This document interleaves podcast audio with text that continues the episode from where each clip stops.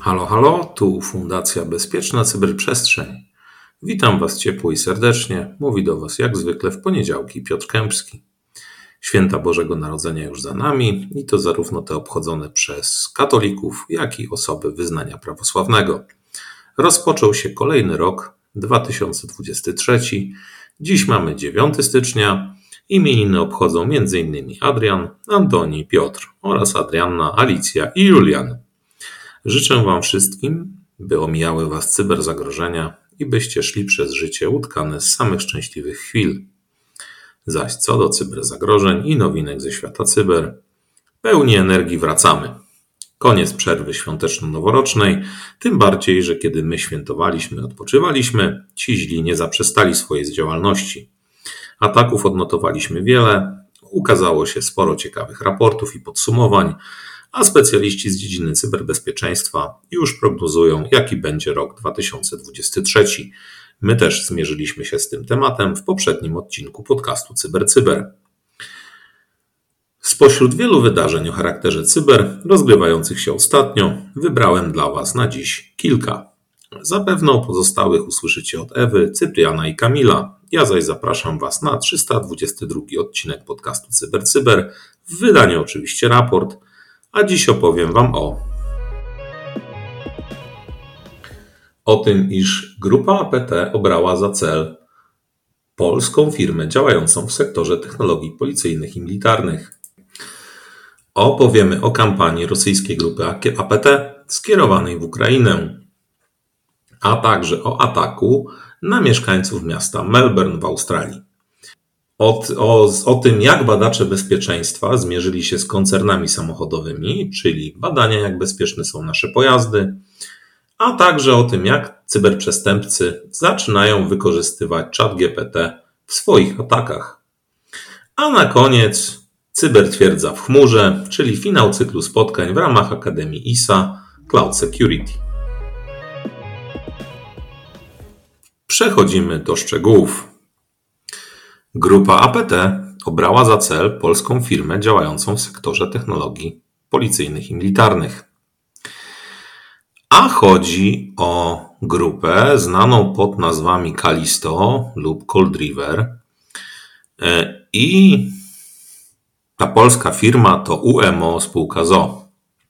Firma ta działa w obszarze zaawansowanych technologii na użytek wojskowy i policyjny, a specjalizuje się w sprzęcie dedykowanym dla wojsk specjalnych oraz jednostek specjalnych policji.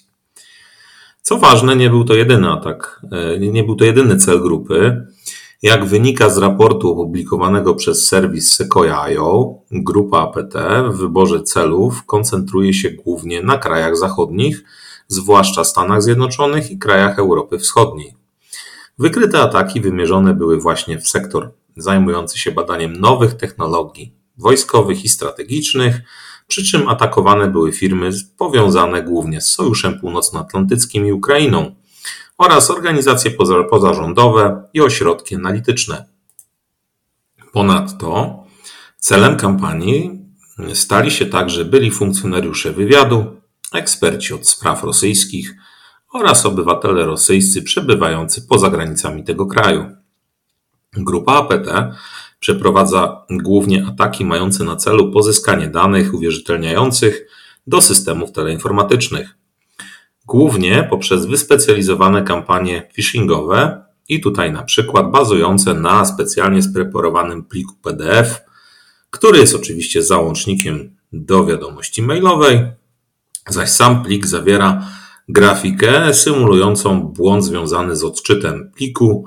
E, tam jest masa artefaktów graficznych i w samym dokumencie znajduje się link prowadzący do stron www, które wyłudzają poświadczenia. Wymagane jest na nich logowanie. Dodatkowo grupa próbuje omijać również systemy two-factor authentication, stosując narzędzie Evil e, GNX.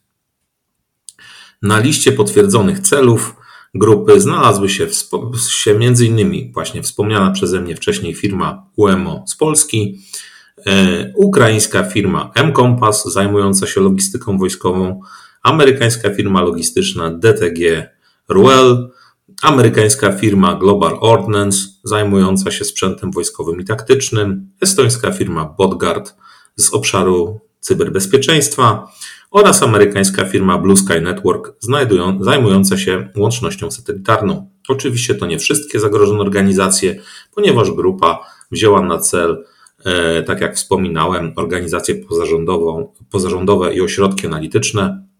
Więcej szczegółów znajdziecie e, w artykule, link do którego e, znajduje się wiecie gdzie.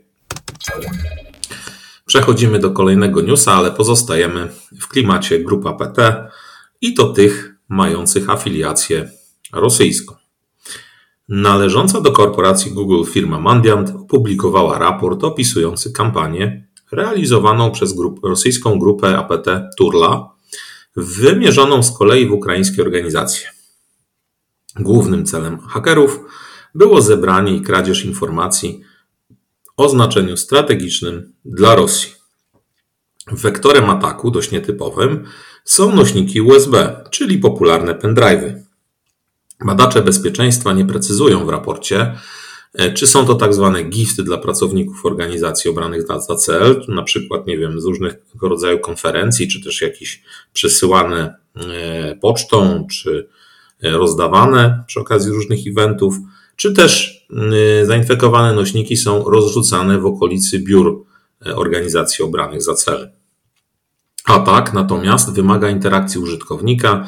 Malware jest ukryty w postaci pliku z rozszerzeniem LNK, udającym z kolei folder na nośniku USB, więc użytkownik musi na niego kliknąć dwukrotnie, a więc uruchomić. Co ciekawe, e, cyberprzestępcy do uruchomienia serwerów Command and Control dedykowanych dla tej operacji wykorzystali wygasłe domeny internetowe, które zostały przez nich ponownie zarejestrowane i tym samym uzyskały, można powiedzieć, drugie życie. Szczegóły odnajdziecie w raporcie, link do którego pod naszym podcastem. Przechodzimy do kolejnego newsa i jest on troszeczkę luźno, myślę, związany z y, cyber, natomiast jest też uważam, że istotny. Kody QR. Ja myślę, że wszyscy je gdzieś tam spotkaliście. Wydają się być one genialnym pomysłem, możemy je odnaleźć praktycznie wszędzie, na przystankach autobusowych, na ulotkach, w instrukcjach obsługi sprzętu, w autobusach. E, generalnie, na przykład w Warszawie, by skasować elektroniczny bilet komunikacji miejskiej, musicie zeskanować kod QR po tym, jak już wsiądziecie do pojazdu. Co do zasady, mają kody QR nam ułatwiać życie poprzez zeskanowanie kodu nasz telefon uruchomi odpowiednią stronę www, wykona jakąś, jakieś działanie w aplikacji, bądź też pobierze samą aplikację ze sklepu, czy to Play, czy to z App Store'a, a my nie będziemy musieli przepisywać niejednokrotnie długiego adresu strony, tak żeby to, co się ma zadziać, się wykonało. Wychodząc z takiego założenia, władze miasta Melbourne w Australii uruchomiły usługę w ramach której każdy, kto zobaczy ściany zdewastowane przez jakieś graffiti bądź odnajdzie śmieci w przestrzeni publicznej, będzie mógł zeskanować kod QR znajdujący się na plakacie i tym samym poprzez formularz na stronie, link do której właśnie pod tym kodem QR został ukryty, będzie mógł zgłosić swoje odkrycie. Z zasady przyznacie wspaniały pomysł, ale niestety nieznani sprawcy podmienili legalne i rzeczywiste kody QR na swoje własne. Te podmienione kody QR na szczęście nie niosły z sobą niebezpiecznej zawartości. Nie był to żaden malware, który atakowałby telefony czy kradł informacje, a jedynie został pod nimi ukryty link prowadzący do filmu dokumentalnego traktującego o kulturze hip-hopu i o tym, jak graffiti jest z, nim jest z nią nierozerwalnie związana, a film sam znajdował się w serwisie YouTube. Władze Melbourne, myślę, weryfikują teraz wszystkie QR-kody rozmieszczone na plakatach w ramach kampanii, a my wszyscy powinniśmy się szczerze zastanowić na, przed każdym yy, skanowaniem kodu QR, który jest gdzieś przyczepiony w przestrzeni publicznej. Jeśli mogę Wam coś doradzić, to najlepiej zmienić aplikację do skanowania kodów QR z domyślnej na taką, która pokazuje adres i prosi użytkownika o weryfikację tegoż adresu i akceptację go, zanim wykona się dana operacja. Więcej szczegółów w artykule pod naszym podcastem na, to, na, to, na temat oczywiście samego incydentu w Melbourne. Przechodzimy do kolejnego newsa. Jest on, myślę, związany bardzo nierozerwalnie z dziedziną cyber, bowiem zespół badaczy bezpieczeństwa pod przewodnictwem takiego pana, który zwie się Sam Kary, odkrył błędy i podatności w wielu usługach, serwisach www, aplikacjach oraz interfejsach API oprogramowania, które to było wykorzystywane przez czołowych producentów samochodów. Wszystko zaczęło się od konferencji poświęconej cyberbezpieczeństwu i prostego zadania zweryfikowania aplikacji dedykowanej do wypożyczania rowerów elektrycznych, zaś zakończyło się na wykryciu błędów i podatności w samochodach marek, i tutaj uwaga, Kia, Honda, Nissan, Mercedes-Benz, Hyundai, BMW, Rolls-Royce, Ferrari, Ford, Porsche, Toyota, Jaguar i Land Rover. Oczywiście to nie wszystkie marki, bo tam jeszcze pojawiało się oprogramowanie wykorzystywane przez różne platformy motoryzacyjne. E, jeśli chodzi zaś o same błędy i podatności, to te odkryte pozwoliły badaczom bezpieczeństwa na m.in. odblokowanie zamka, uruchomienie bądź wyłączenie silnika samochodu bądź pojazdu, śledzenie pozycji pojazdu, uzyskanie dostępu do kamer, uzyskanie dostępu do danych osobowych właściciela, ale też do danych samego pojazdu, w tym numeru WIN, a także w przypadku niektórych y, koncernów uzyskanie dostępu do niektórych usług chmurowych.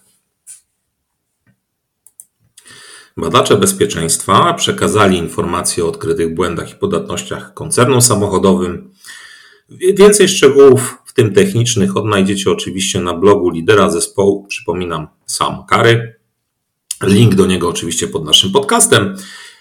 Na razie też, co jest pocieszające, nie są dostępne żadne POC bądź exploity na odkryte podatności i luki bezpieczeństwa.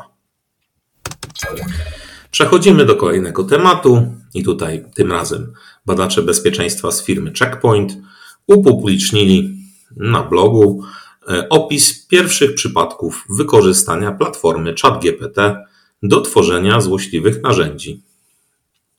Pod koniec listopada 2022 roku, a więc całkiem niedawno, firma OpenAI udostępniła powszechnie ChatGPT. Jest to nowy interfejs dla silnika Large Language Model, który natychmiast wywołał falę zainteresowania sztuczną inteligencją i jej możliwymi zastosowaniami. Mówiliśmy już o tym w naszym podcaście, tutaj przywoływałem wcześniej, w poprzednim odcinku, w 321, w ramach podsumowania wydarzeń z roku ubiegłego i przewidywań na obecny. Natomiast wracając do samego raportu i do głównego tematu tegoż newsa, badacze bezpieczeństwa przywołują już trzy przykłady, w których osoby bez umiejętności programistycznych wykorzystały chat GPT do utworzenia malware'u, ale nie tylko. Przykłady, o których mówię, to m.in. InfoStealer, a więc z, tak naprawdę oprogramowanie kradnące informacje, bazujące na skrypcie napisanym w języku Python. Oczywiście skrypt został napisany przez ChatGPT, a także narzędzie do szyfrowania plików, także utworzone w Pythonie. Ale trzecim przykładem jest o tyle też ciekawy przykład, bo były to skrypty dedykowane do tworzenia sklepów w Dark Webie, a sklepy te miały funkcjonalność e, umożliwiającą dokonywanie płatności w kryptowalutach i to w aktualnych kryptowalutach takich jak Monero i kilku innych. E, szczegóły jak zwykle znajdziecie w raporcie. Ja natomiast zgodzę się z jednym z wniosków autorów na 100%. E, choć przedstawione w raporcie narzędzia są dość podstawowe i proste, to tylko kwestia czasu, kiedy bardziej wyrafinowani cyberprzestępcy czy też grupy APT udoskonalą sposób, w jaki sztuczna inteligencja zostanie wykorzystana do prowadzenia samych cyberataków. I tym sposobem do, dotrwaliśmy do ostatniego newsa na dziś, a jest to cybertwierdza w chmurze. Zapraszam niniejszym na spotkanie kończące cykl spotkań w ramach Akademii ISSA Cloud Security, organizowane wspólnie przez ISSA Polska oraz Cloud Security Alliance Polska. Spotkanie odbędzie się w formule stacjonarnej w fabryce Norblina, Norblina w Warszawie i rozpocznie się już jutro, 10 stycznia o godzinie 18 w sali konferencyjnej firmy ISS. Udział w spotkaniu jest bezpłatny, więc nie musicie sięgać głęboko do portfela. Wymagana jest jedynie rejestracja i uwaga, jest ona otwarta do dziś, do godziny 12, a więc do samego południa lub niestety do wyczerpania miejsc. Więc jeśli tego jeszcze nie zrobiliście, to najwyższa pora, by się zarejestrować. W ramach finałowego spotkania będziemy oczywiście grali w grę. Tak, tę samą grę, o której już wielokrotnie ode mnie słyszeliście.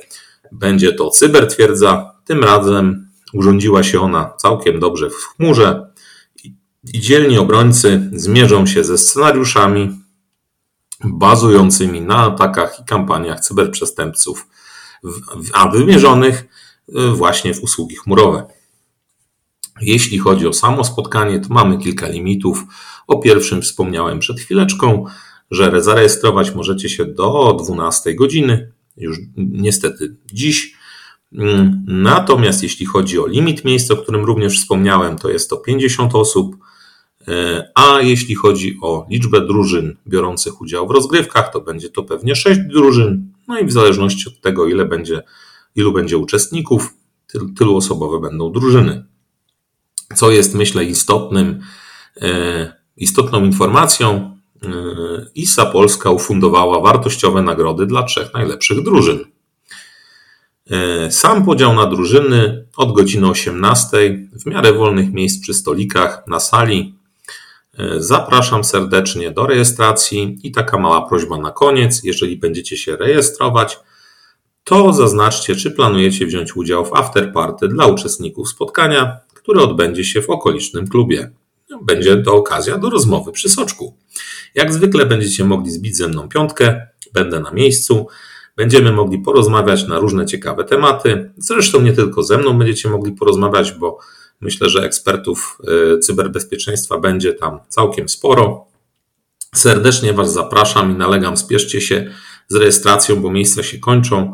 Link do strony wydarzenia pod naszym podcastem. A na dziś to już wszystko. Życzę Wam w tym nowym roku 2023 wszystkiego najlepszego i do usłyszenia już za tydzień w kolejny poniedziałek. A póki co dziękuję za uwagę. Mówił do Was Piotr Kępski. Pozdrawiam Was. Trzymajcie się ciepło. Cześć.